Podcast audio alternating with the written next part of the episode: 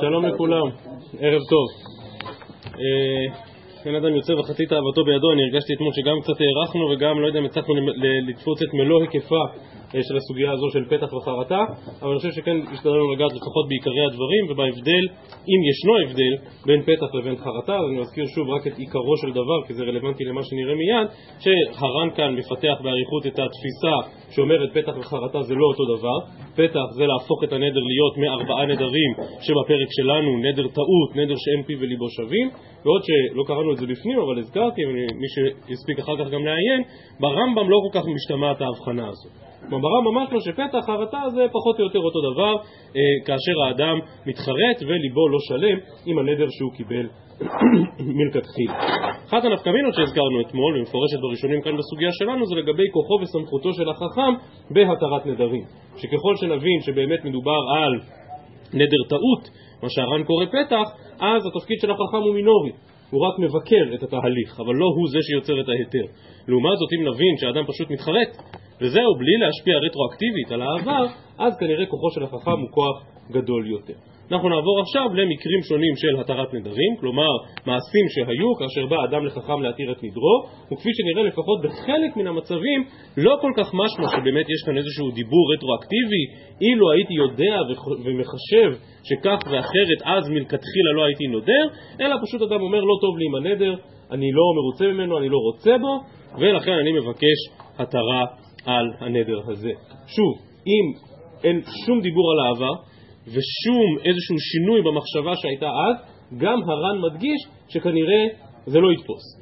אי אפשר רק להתחרט מכאן ולהבא, אתה חייב במידה זו או אחרת להתחרט על הנדר מעיקרא, ושוב, הראשונים כאן, ממש לגבי כל מקרה בסוגיה, מתלבטים עד כמה הוא באמת עונה לקריטריון הזה של אה, חרטה דמעיקרא, של אה, רצון באמת לומר, אני מלכתחילה לא חשבתי ולא חשבנתי מה יהיו ההשלכות של אותו נדר. אז אנחנו עצרנו אתמול באמצע העניין, אנחנו בגמרא בדף כ"א עמוד ב', קצת אחרי אמצע העמוד, כאמור עוברים לסדרה של מקרים בענייני התרת נדרים. אומרת הגמרא, הוא דעתה לקמא דרב הונא, אמר לי ליבך הלך וכבר כאן הר"ן מביא שני פירושים לעניין הזה, מה זה ליבך הלך, אני מכיר את לשונו של הר"ן, כלומר, היה ליבך מיושב עליך בשעה שנדרת, וגם עכשיו אינך תוהה בנדרך עד היום, אלא שמיום זה ואילך אתה רוצה לעוקרו?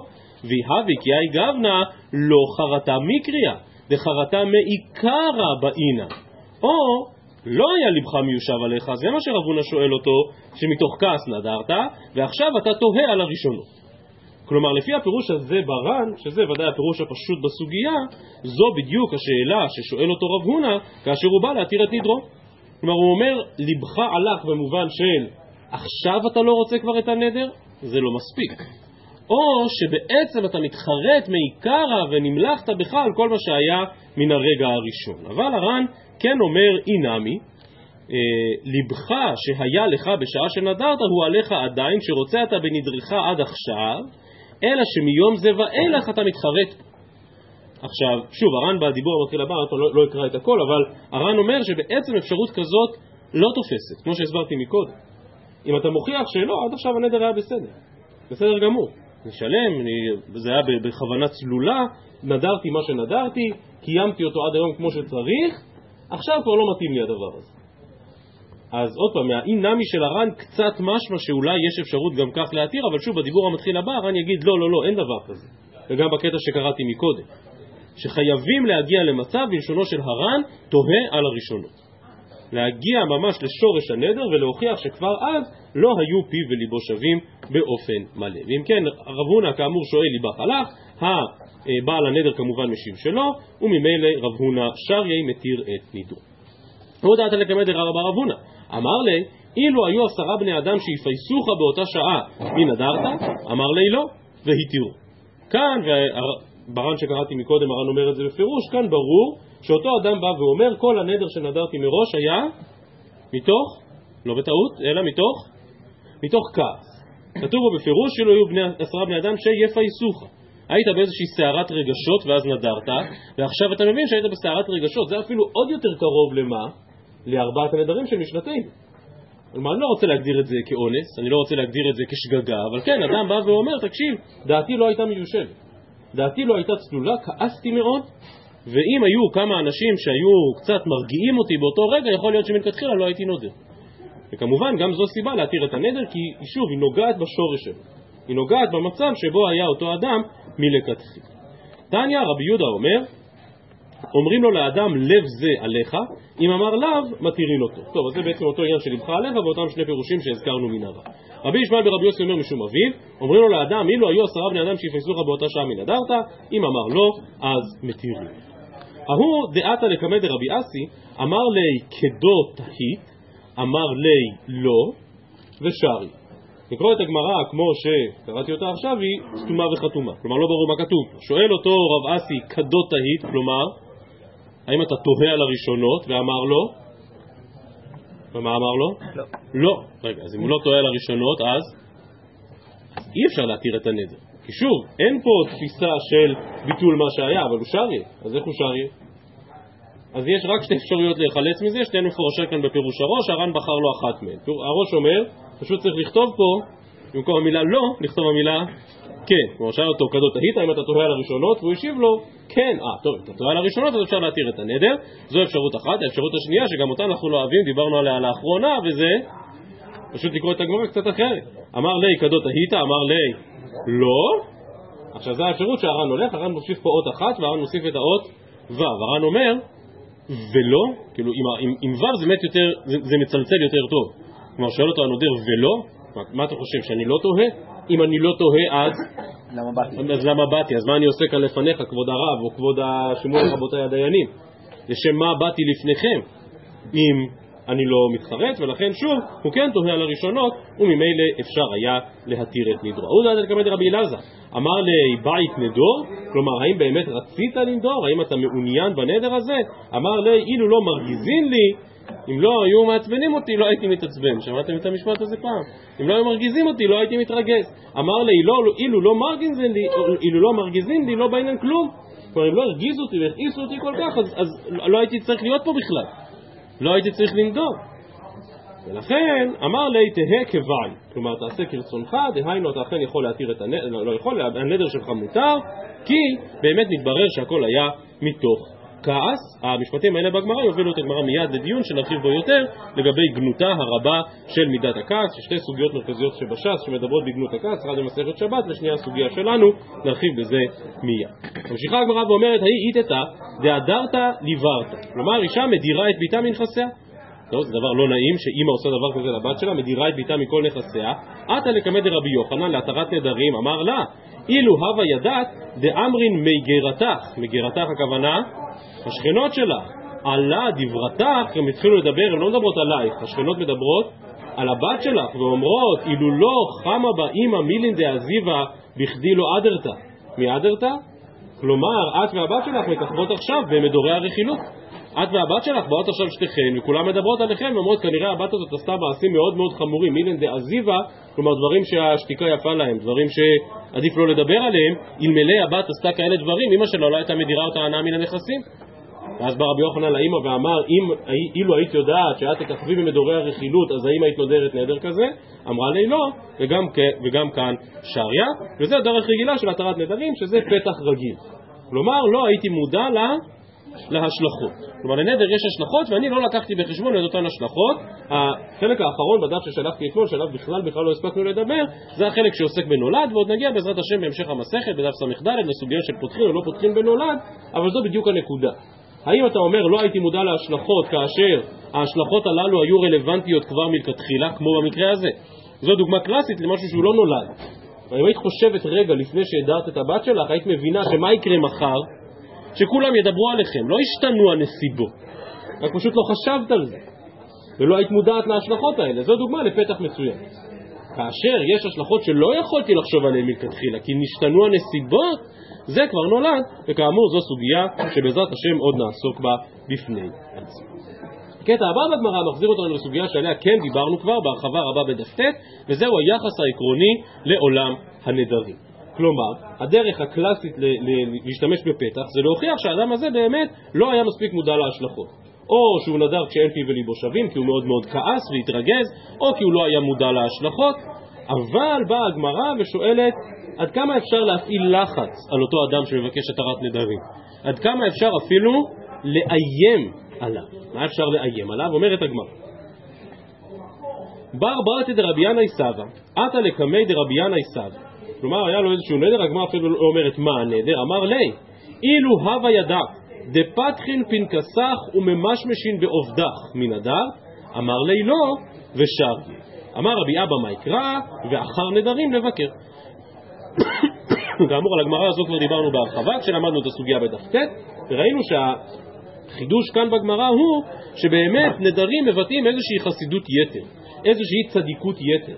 עד שאתה בא לקבל על עצמך נדרים, בוא קודם כל נראה שהאם את הדברים שאתה מחויב לעשות אתה עושה. כלומר, רבי, רבי ינאי סבא מאיים עליו, ואומר לו, אתה יודע שמי שנודר נדרים מפשפשים במעשיו בשמיים?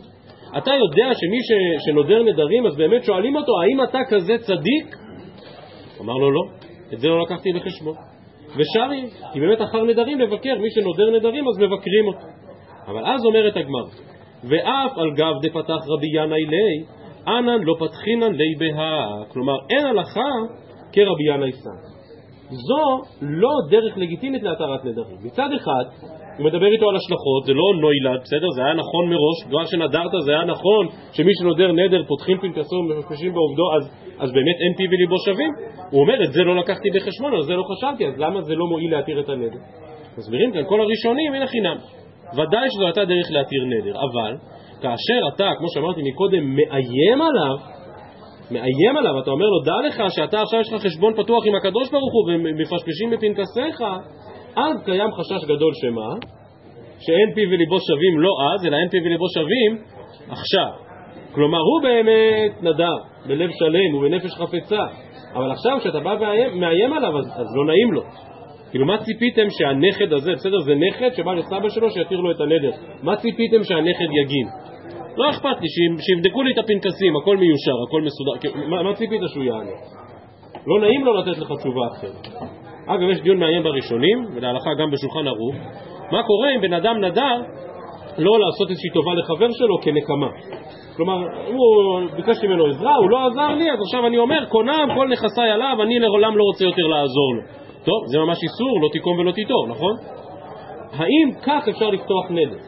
כלומר, לבוא ולומר לו, האם ידעת כשקיבלת את הנדר הזה שאתה עובר כאן עליו דאורייתא שלא תיקום ולא תיטור? אז יש ראשונים שאומרים שבאמת לא, זה גם כן סוג של איום, ויש ראשונים, וכך נפסק להלכה בשולחן ערוך, שזה איום לגיטימי. כי אתה בא ואומר לו, תקשיב, אתה מסתבך פה ישירות עם איסור לא תיקום ולא תיטור. אז למה הגמרא כאן אומרת שבזה לא פותחים את הנדר? כי פה אתה לא סתם אומר לו זה לאו דאורייתא, פה אתה אומר לו, נכנסת לעימות ישיר כביכול עם הקדוש ברוך הוא בכבודו ובעצמו. כלומר, אתה נכנסת עכשיו פה לאיזשהו דיון שיבואו ויפשפשו במעשיך או בפנקסיך, זה כבר מפחיד מדי. אבל שוב, אני מדגיש עוד פעם, זה לא אומר שיש כאן בעיה מהותית בהלכות פתח. הפתח הוא פתח מצוין? לא, יש פה משהו שלא לקחתי בחשבון. אם לא לקחתי אותו בחשבון, אפשר להתיר את הנדר. הסיבה שלא מתירים את הנדר באופן הזה, זה רק מחשש שכרגע הוא לא ייתן תשובה כנה.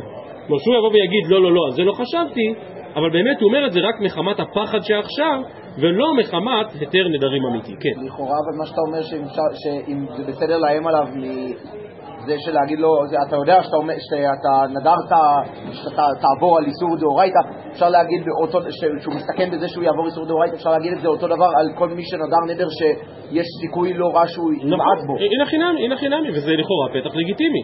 פתח לגיטימי להגיד למישהו אתה תעבור על אה, איסור... אה, בוודאי, כאילו אני חושב שזה... אני חושב שזה אחד הפתחים הכי טובים. כלומר, אדם קיבל על עצמו נדר, והוא בא ואומר, תקשיב, לא הייתי מודע להשלכות, אני קיבלתי את הנדר והייתי בטוח שאני אצליח לעמוד בזה. עכשיו אני רואה שאני לא מצליח לעמוד בזה, ואם אני לא אצליח לעמוד בזה זה משהו שאף אחד מאיתנו לא רוצה, שנדרתי את הנדר ואני לא עומד בו, ולכן אני מבקש התרה. זה, זה דווקא דבר לגיטימי. טוב, קצת התעכבנו על הנקודה הזאת, אני קורא מהר, כמו שאמרתי, אנחנו ראינו ממש את כל הגמרא הזאת כשלמדנו אז את הסוגיה בדף ט' על הבעייתיות שיש בנדרים, ולכן ממשיכה הגמרא ואומרת, כמו שלא מקבלים את דבריו של רבי ינאי סבא ולא משתמשים בפתח בעניין הזה של מפשפשים בפנקסיך, אומרת הגמרא, ולא פתחינן בהדה אחירנתא, ואמר רבא בר חנא אמר רבי יוחנן, מאי פתח לרבן גמליאל ההוא סבא, יש בוטה כמדקרות חרב, ולשון חכמים מרפא, כל הבוטה, כלומר כל מי שמתעסק עם עולם ההפלאה, ראוי לדוקרו בחרב, אלא לשון חכמים מרפא. שוב, אתה ממש מאיים עליו. אתה אומר לו, אתה מבין שעצם זה שנדרת צריך לדקור אותך בחרב? פה יכול להיות שהוא לא באמת בכנות חוזר בו, אבל לא נעים לו לתת תשובה אחרת. ולא פותחים בעד ההכנה את הדתניא, רבי נתן אומר, הנודר כאילו בנה במה, והמקיימו כאילו מקריב עליו קורבן. ברישא, פתחינה. כלומר, לומר לו, אתה יודע שתופעת הנדרים ככלל, מבחינה ערכית ורעיונית, היא תופעה פסולה? שכל הנודר כאילו בנה במה, זה לגיטימי להגיד.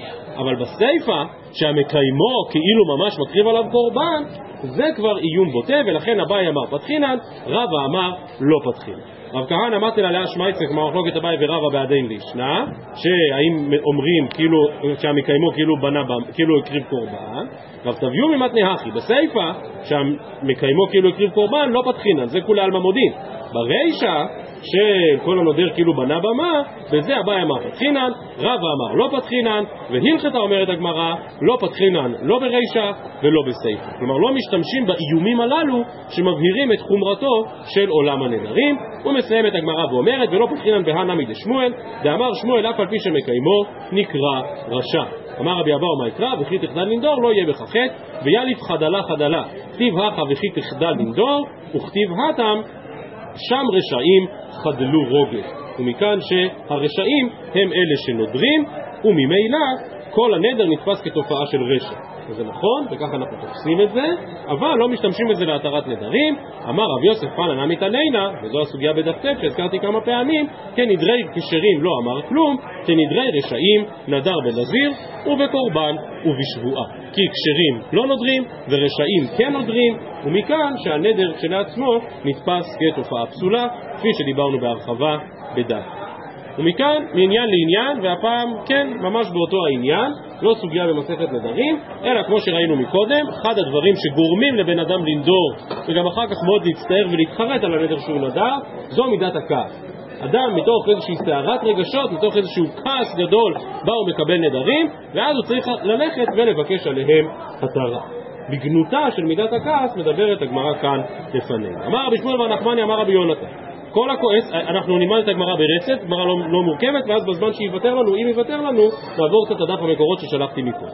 אמר רבי שמואל בר נחמני, אמר רבי יונה, כל הכועס, כל מיני גהנם שולטים בו, שנאמר, והסר כעס מלבך, והעבר רעה מבשריך, ואין רעה אלא גיהנום, שנאמר, כל פועל השם למענהו, וגם רשע ליום רעה. כלומר, הקדוש ברוך הוא ברא בעולם, בעולמות, כל מה שצריך להיות, כולל גם את, הרש... את הרעה שמחכה לרשע, שזהו הגיהנום, ואם כן, העבר רעה מבשריך, זה הגיהנום למי שכועס, למי שיש כעס בליבו, ולא עוד, אלא שהתחתוניות, כל מיני מחלות מעיים ומחלות אחרות שולטות בו, שנאמר, ונתן השם לך שם לב רגז, וכיליון עיניים ודאבון נפש. זהו דבר שמכלה את העיניים ומדיב את הנפש, הווה אומר, אלו התחתוניות, אותן מחלות מעיים קשות. אז מספרת הגמרא סיפור שעל פניו אמור להיראות הזוי, אבל לצערנו ולבושתנו קוראים סיפורים כאלה גם בעיתון, ושומעים עליהם גם בחדשות. אולה במסקי לערא דישראל, כאשר אולה עלה לארץ ישראל, נתלבו לי, בשיירה שלו היו טרן בי חוזאי בעדי, היו שני חבר'ה מהעיר מחוזה, או מבי חוזאי שהיו יחד איתו. תוך כדי הליכה, והליכה ארוכה ומתישה ומפרכת, ומתחיל איזושהי מריבה, כנראה שטותית ביניהם, קם חד שחטי לחב. מרוב כעס, מרוב אה, אה, הסכסוך שביניהם, בא אחד וממש הורג את חברו. אמר לי לאולה, יא אות עבדי? מבקש מאולה הסכמה, אמר לו, טוב עשיתי שהרגתי אותו, את ההוא שהתרגזתי עליו? אומר לו אולה אין ופרה לי בית השחיטה. כלומר, תגמור אותו סופית. על פניו מאוד מאוד משונה, אבל ברור לחלוטין שאולה אומר את זה מהגנה עצמית, מפחד. כלומר, אדם עומד עם סכין ביד אחרי שהוא רצח בן אדם מתוך רוגז, ממש רק לפני כמה ימים, נכון? היה סיפור בנתיבי איילון, אני לא יודע אם ראיתם את הסרטונים. זה פשוט לא נתפס. כאילו, היינו אמורים לקרוא את הגמרא הזאת ולהגיד, תקשיב, זה לא הגיוני, שני אנשים הולכים בדרך, עולים לארץ ישראל ואחד הורג את חברו סתם מאיזה מריבה. עוד פעם אני אומר, לבושתנו, כאילו, בחברה שאנחנו חיים בה, במדינת ישראל תשפ"ג זה קורה, זה, לא ייאמן. כי עתה לקמד רבי יוחנן, כלומר כאשר מגיע אולה, סוף כל סוף מגיע בשלום לארץ ישראל, הוא בא לפני רבי יוחנן, אמר לי, דילמה חס ושלום מחזיקי ידי עוברי עבירה, אולי בעצם זה היה לא בסדר? חיזקתי ידי עוברי עבירה, אמר לי נפשך הצלת, פיקוח נפש דוחה הכל. ואם לא היית עונה לו ככה, גם חייך היו בסכנה. אבל אז, כמו שאמרתי, בא רבי יוחנן ואת אותו כאב שאני חושב שגם אנחנו מרגישים. קטם הרבי יוחנן, מיך דכתיב, הפסוק שהזכרנו מקודם, בתוכך, ונתן השם לך שם לב רגל. בבבל כתיב. מילא בחוץ לארץ יכול לקרות דבר כזה, שאנשים מתוך איזשהו סכסוך וכעס ומריבה, אחד הורג את חברו, אבל אצלנו, בארץ ישראל, בארץ הקודש, שדבר כזה יקרה? אמר לי, משיב לו אולה כדי קצת להפיס את דעתו ואומר, ההוא שעתה לא אברינן ירדן. זה היה לפני שנכנסנו לארץ.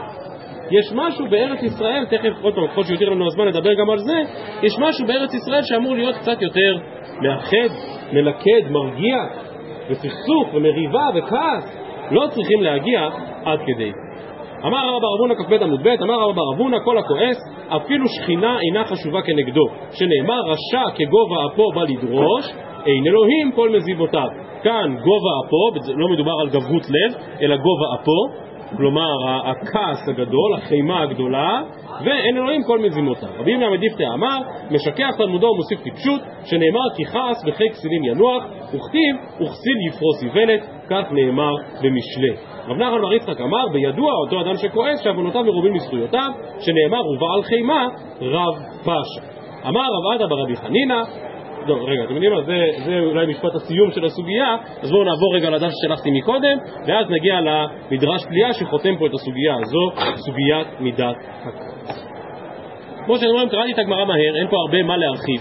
ובכל זאת אני חושב שאילו היינו קוראים שוב את הגמרא וקוראים אותה קצת יותר לאט, היה אפשר לחלק את הטענות, או לא בדיוק טענות, אלא את הגנות והחומרה שיש במידת הכעס, כאן בסוגיה שלנו, לשלושה חלקים. בראש ובראשונה, למה מידת הכעס היא מידה כל כך חמורה וכל כך נוראה? בגלל הפגיעה שיש בין אדם לחברו. ואבוה דכולהו הסיפור על עולא ועל שני החבר'ה בחוזאי. אדם שמתמכר אל הכעס, בסופו של דבר לא יכול לחיות חיי חברה. כי אני כל כך מתרגז על מישהו, אני מסוגל להרוג אותו מרוב שאני כועס עליו. ולכן בראש ובראשונה הפגם והבעיה במידת הכעס זה פגם שבין אדם לחבר. ובאמת הרמב"ם בהלכות דעות, כידוע הרמב"ם בכל מקום מחפש את דרך האמצעית, המידה הבינונית, חוץ מאשר שתי מידות. אומר הרמב"ם פרק ב' מלכות דעות, דברים מאוד מאוד ידועים, ויש דעות שאסור לאדם לנהוג בהם בבינוניות, אלא יתרחק מן הקצה האחד עד הקצה האחר, והוא גובה לב, כלומר מידת הגאווה, והמידה השנייה היא כן מידת הכעס, מידה רעה היא עד למאוד, וראוי לאדם שיתרחק מן עד הקצה האחר, וילמד עצמו שלא יכעוס, ואפילו הדבר שראוי לכעוס עליו. אם רצה להטיל אימה יתרה על בני ביתו, יראה כאילו הוא כועס. אבל כמובן אסור לאדם לכעוס בכלל בכלל, לא דרך האמצע ולא מידה בינונית, אלא צריך להתרחק מן הכעס ככל שאפשר, וכאמור אי אפשר לכונן חברה ואי אפשר לכונן יחסי חברה כאשר אדם אה, משתעבד במידת הכעס. ולכן בראש ובראשונה מידת הכעס היא מידה מגונה בין אדם לחבר. אבל בסוגייתנו מתחדש שמידת הכעס פוגעת לא רק בין אדם לחברו, אלא פוגעת בין אדם למקום. כמו שלמדנו מקודם, שכל הכועס, אפילו שכינה אינה חשובה כנגדו. וכמו שהזכרתי, יש עוד סוגיה אחת מרכזית בש"ס שמדברת על מידת הכעס, וזו הסוגיה בשבת, בדף ק"ה, וגם שם נאמר בפירוש, אדם שמקרע בגדיו בחמתו, אדם שהוא כל כך כועס שקורע את בגדיו, יהיה בעיניך כאילו עובד עבודה זרה. והגמרא שם אומרת בפירוש שהוא כאילו עובד אל זר שבתוכו. או במילים אחרות, במקום להיות משועבד לקדוש ברוך הוא, הוא משועבד לכעס הזה שיש בתוכו. ולכן הדבר הזה פוגע ביחסו של האדם לקדוש ברוך הוא, וגם את זה מביא הרמב"ם שם בהלכות דעות, אמרו חכמים הראשונים, כל הכועס כאילו עובד עבודת כוכבים. יש איגרת קדושה ונפלאה של אדמו"ר הזקן, באיגרת הקודש שבספר התניא, והאיגרת הזאת, כמו שכתוב כאן בהתחלה, להבין אמרי בינה, מה שכתוב בספר הנקרא צוואת הריבש. מכירים את ספר צוואת הריבש? מי זה הריבש? לא רבי יצחק בר ששת, בעל השאלות ותשובות, תלמידו של הר"ן, אלא רבי ישראל בעל שם טוב. אז האדמו"ר הזקן קודם כל אומר לא יודע בדיוק אם זאת הצוואה של הבעל שם טוב, אבל לא משנה, זה אוסף ליקוטים מן הבעל שם טוב, ומליקוטים חשובים, ומכל הדברים שם, על מה רוצה לדבר האדמו"ר הזקן, והוא בהקדים מאמר חז"ל, כל הכועס כאילו עובד עבודת כוכבים. ועתה מובן ליודעי בינה, לפי שבעת כעסו נסתלקה ממנו האמונה, כאילו היה מאמין שמאת השם הייתה זאת, לא, לא היה בכעס כלל. ואף שבן אדם שהוא בעל בחירה מכאן ללא מכה או מזיק ממונו, הוא מתחייב בדיני אדם ובדיני שמיים על רוע בחירתו, אף על פי כן על הנזק כבר נגזר מן השמיים והרבה שלוחים למקום, ועבור הדקולו זה כמובן שמעי בן גרה, כאשר בא דוד המלך ואומר, השם אמר לו לקלל. עכשיו, השם לא אמר לשמעי בן גרה באף מקום לקלל לדוד. אבל דוד מצד קבלת הדין שלו אומר מה אני אכעס עליו, מה אני אריב איתו עכשיו השם אמר לו לקלל, כך מסביר אדמו"ר הזקן, ואם כן, מידת הכעס קשורה לא רק, כמו שאמרנו, לבן אדם לחברו, אלא גם בן אדם למקום, ולתודעה של האדם אל מול הקדוש ברוך הוא, ולדעת שכל מה שמגיע, מגיע מאת השם. ולכן אין מה לכעוס ואין מה להתרגז, והכל הוא חלק ממסלול החיים שבו מוליך אותנו הקדוש ברוך הוא. אני חושב שהדברים האלה יכולים להיות קשורים לאותה גמרא שראינו מקודם על ארץ ישראל וחוץ לארץ. כלומר, רבי יוחנן תמה ואומר, האומנם יכול להיות? האומנם ייתכן שבן אדם בארץ ישראל כל כך כל כך כועס? למה? למה לא יכול להיות? מה מיוחד בארץ ישראל? אז אומר המהרש"א כאן בחידושי הגדות בסוגיה שלנו, כי היצר הרע שולט בחוץ לארץ יותר מבארץ ישראל. זו בדיוק הנקודה. בארץ ישראל זה ארץ שאתה עומד לפני השם, אתה אמור להרגיש בכל רגע נתון את השגחת הקדוש ברוך מילא בחוץ לארץ, אז אתה אומר, אני כועס עליו כי הוא פגע בי, כי הוא העליב אותי, כי הוא עשה לי כך וכך. בסדר. כי אתה מבין שבחוץ לארץ דברים במרכאות קצת קורים במקרה. אבל בארץ ישראל, אם הוא פגע בך, זה קרה במקרה? זה קרה מאליו? לא יכול להיות. השם אמר לו לקלל. ולכן דווקא בארץ ישראל יש תודעה יותר עמוקה של, של הליכה לפני השם, ולכן דווקא בארץ ישראל אדם אמור לכעוס פחות. כמובן שאפשר היה להסביר לא רק גמרא בסנהדרין דף מ"ג ועוד הרבה מקומות בהקשר לעניין הקודם. כלומר, למה בארץ ישראל אמורים לכעוס פחות? כי בארץ ישראל יש ערבות מיוחדת, כי בארץ ישראל יש לכידות מיוחדת. כי ברגע שעם ישראל עובר את הירדן, אז כל אחד נושא באחריות אישית לחבר שלו. ולכן דווקא בארץ ישראל יש פחות מקום למידת הכעס. אז זה אם כן שני מהלכים שהכעס פוגע במעגל שבין אדם לחברו, והכעס פוגע במעגל שבין אדם למקום. אבל אני חושב שאחד הדברים המעניינים שמתחדשים בסוגיה שלנו, הוא שהכעס פוגע גם במעגל שבין אדם לעצמו. זה לא קשור לפגיעה שלך בחברים שלך. נניח אתה יודע להכיל את הכעס ולא תהרוג אף אחד שאתה כועס. ונניח שאין לך בעיה בזיקה שלך או באמונה שלך שכל מה שקורה קורה מאת השם. אבל אם אתה כועס כל הזמן, אז, אז כל מיני גיהנום שולטים בו, התחתוניות שולטות בו, אז הוא שוכח תלמודו, הוא מוסיף טיפשות. כלומר, אדם מסוכסך כל הזמן עם עצמו. ותראו את לשונו הזהב של הרמב"ם כאשר הוא אומר ואמרו שכל הכועס עם חכם וחוכמתו מסתלקת ועם נביא ונבונתו מסתלקת ובעלי כעס אין חייהם חיים. תקשיב, בסופו של דבר אתה לא פוגע בסביבה שלך ואתה לא פוגע בקדוש ברוך הוא כי הוא, הקדוש ברוך הוא היה לפניך ויהיה גם אחריך אבל אתה פוגע רק בעצמך. חייך אינם חיים.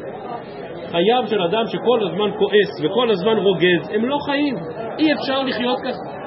הגיהנום שהגמרא דיברה עליו זה לא גיהנום בעלמא דעתו, זה גיהנום כאן בעולם הזה. ושוב, אנחנו מתהלכים במשעולי החיים ופוגשים את הדברים הללו מדי פעם. כל אחד מאיתנו כמובן צריך לתקן את מידת הכעס, אבל לפעמים אתה רואה אנשים שהם כעסנים במיוחד, שהם רגזנים במיוחד, שהם לא מוכנים לוותר על קוצו של יוד, ו... וחייהם אינם חיים, כמו שאומר הרב. וזה, אני חושב, מעגל שלישי של העניין הזה. לאור הדברים שראינו אפשר לחזור ממש למשפט האחרון שלא הספקנו לקרוא ובואו נסיים את דברינו להערב וזה באמת נדרש פליאה ואלמלא גמרא שכתובה באמת שאי אפשר לאומרה כחתימה לעניין הזה של הכעס אמר עבדה ברבי חנינא אלמלא חטאו ישראל לא ניתן להם אלא חמישה חומשי תורה וספר יהושע בלבד שערכה של ארץ ישראל מה היא טעמה? כי ברוב חוכמה רוב כעס והתימה כפולה תימה ראשונה האומנם? האומנם אנחנו היינו יכולים להסתדר עם חמישה חומשי תורה וספר יהושע? עכשיו הזיקה של ספר יהושע לחמישה חומשי תורה היא ברורה, זה ברור שספר יהושע פרק א' זה המשך ישיר לפרשת וזאת הברכה, ולדבר על ערכה של ארץ ישראל זה בכלל דבר חשוב מאין כמותו, אבל באמת היינו יכולים להסתדר בלי דוד המלך, בלי שמואל הנביא, בלי ישעיהו וירמיהו ויחזקאל, כל עולם המוסר, כל עולם הערכים שלנו נבנה על ידי הנביאים, על ידי הכתובים. אז באמת אפשר היה להסתדר רק עם חמישה חומשי תורה ועוד ספר יהושע. זו התימה הראשונה. והתימה השנייה, ומה כל זה קשור למידת הכעס? איך זה נלמד מן הפסוק כי ברוב חוכמה רוב כעס? מה זה קשור?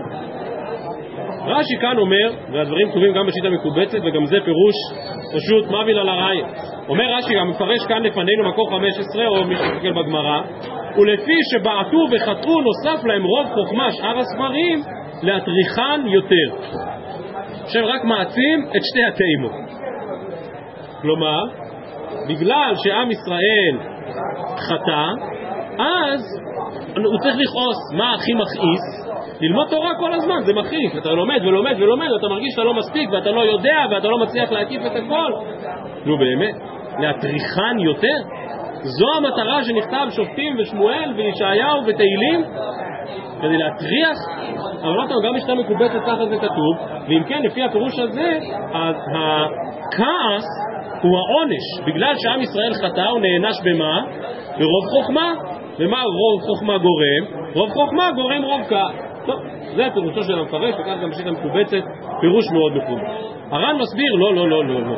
זה לא שאריכות הדברים בנביאים ובכתובים זה עונש על זה שחטאו. זה פשוט תוצאה ישירה. אומר הר"ן שנאמר כי ברוב חוכמה רוב כעס, ברוב דברי חוכמות הנביאים יש סימן לרוב כעס שהכניסו ישראל הקדוש ברוך לא, זה לא קשור למידת הכעס שדיברנו עליה עד עכשיו. בגלל שישראל הכניסו לפני הקדוש ברוך הוא, אז לא הייתה ברירה, אלא לשלוח את ישעיהו ואת ירמיהו ואת יחזקאל, שיוכיחו את העם ויסבירו כמה אתם לא בסדר. ואם כן, כי ברוב חוכמה רוב כעס, הכוונה, רוב החוכמה זה ביטוי לזה שהיה הרבה כעס שהיה צריך לשלוח את הנביאים כדי להחזיר את עם ישראל בתשובה. אז כך מסביר רש"י וכך מסביר הרב. אבל אני חושב שלאור כל מה שדיברנו על מידת הכעס, יש מקום להעמיק קצת יותר את המבט על באמת מה, מה מתחדש כאן בגמרא. ואני חוזר לתימה הראשונה, אז איך, איך, היינו, איך, איך, איך אנחנו היינו נראים, איך היו נראים החיים שלנו? בלי ספרי הנביאים, בלי ספרי הכתובים? ואולי הדבר קשור למעגל השלישי שהזכרנו מקודם, או לחיבור בין המעגל השני לבין המעגל השלישי, בין אדם למקום, אבל גם בין אדם לעצמו. דהיינו, אדם שנכשל במידת הכעס, הוא חי כל הזמן את עצמו. הוא מעמיד את עצמו במרכז, פגעו בי, העליבו אותי, עשו לי ככה וככה וככה וככה. וכשאתה חי כל הזמן את עצמך, כשאנחנו חיים יותר מדי את עצמנו, אז באמת מאוד מאוד קשה להסתכל מסביב. מאוד מאוד קשה לראות דברים אחרים. הבאתי כאן קטע נפלא ומתוק מספר מאור ושמש על פרשת אחרי מות, שמסביר בהרחבה בדיוק את הנקודה הזאת, ואומר קיים אברהם אבינו כל התורה כולה עד שלא ניתנה. אבל איך אברהם אבינו קיים אותה? הרי היא לא ניתנה. מה התשובה? ברור, מה התשובה של, של כל הדרך הזאת בחז"ל? שאברהם אבינו חי את העולם, והסתכל על העולם. ואמרתי מקודם, מאיפה היה לנו מוסר וערכים ודרך אלמלא ספרי הנביאים, אבל לאברהם היה מוסר. הקדוש ברוך הוא בעצמו מעיד על אברהם שמצווה את בניו וביתו אחריו לשמור דרך השם לעשות צדקה ומשפט. וזה היה בלי שהוא קרא את ישעיהו פרק א', ובלי שהוא קרא את כל דברי הנביאים האחרים. כי כשאדם לא מתבונן רק בעצמו, כאשר אדם מבין שהוא לא המוקד, אלא שיש הקדוש ברוך הוא בעולם, וממנו הוא מסתכל יותר, הוא מתבונן יותר, הוא מבין יותר, אז הוא מצליח מכוח חמישה חומשי תורה עם עוד ספר יהושע. מכוח הדבר הזה הוא מצליח להגיע לאותן תובנות ולאותם מקומות. אבל בשביל זה הוא צריך להתבונן, להתבונן שלא במשקפיים של כעס, אלא במשקפיים שקצת מסיטות את האני הזה שנפגע, שנעלב, שמתרגז, שכועס. ואז יש הרבה יותר מקום באוזניים, בעיניים ובעיקר בלב לקבל ולהבין ולקלוט את כל שאר הדברים שקיימים בעולם. וזה כנראה המסר של אותה אמירה כל כך מחודשת ומרחיקת לכת, שאפשר היה להסתדר רק עם חמישה חומשי תורה וספר יהושע בלבד. אז עד כאן דברינו לערב, מחר אני לא אוכל להיות כאן בשעה שמונה, מחר אנחנו נלמד בסוף סדר ערב. בסדר? בעזרת השם, בשעה עשר וחצי, ערב טוב לכולם.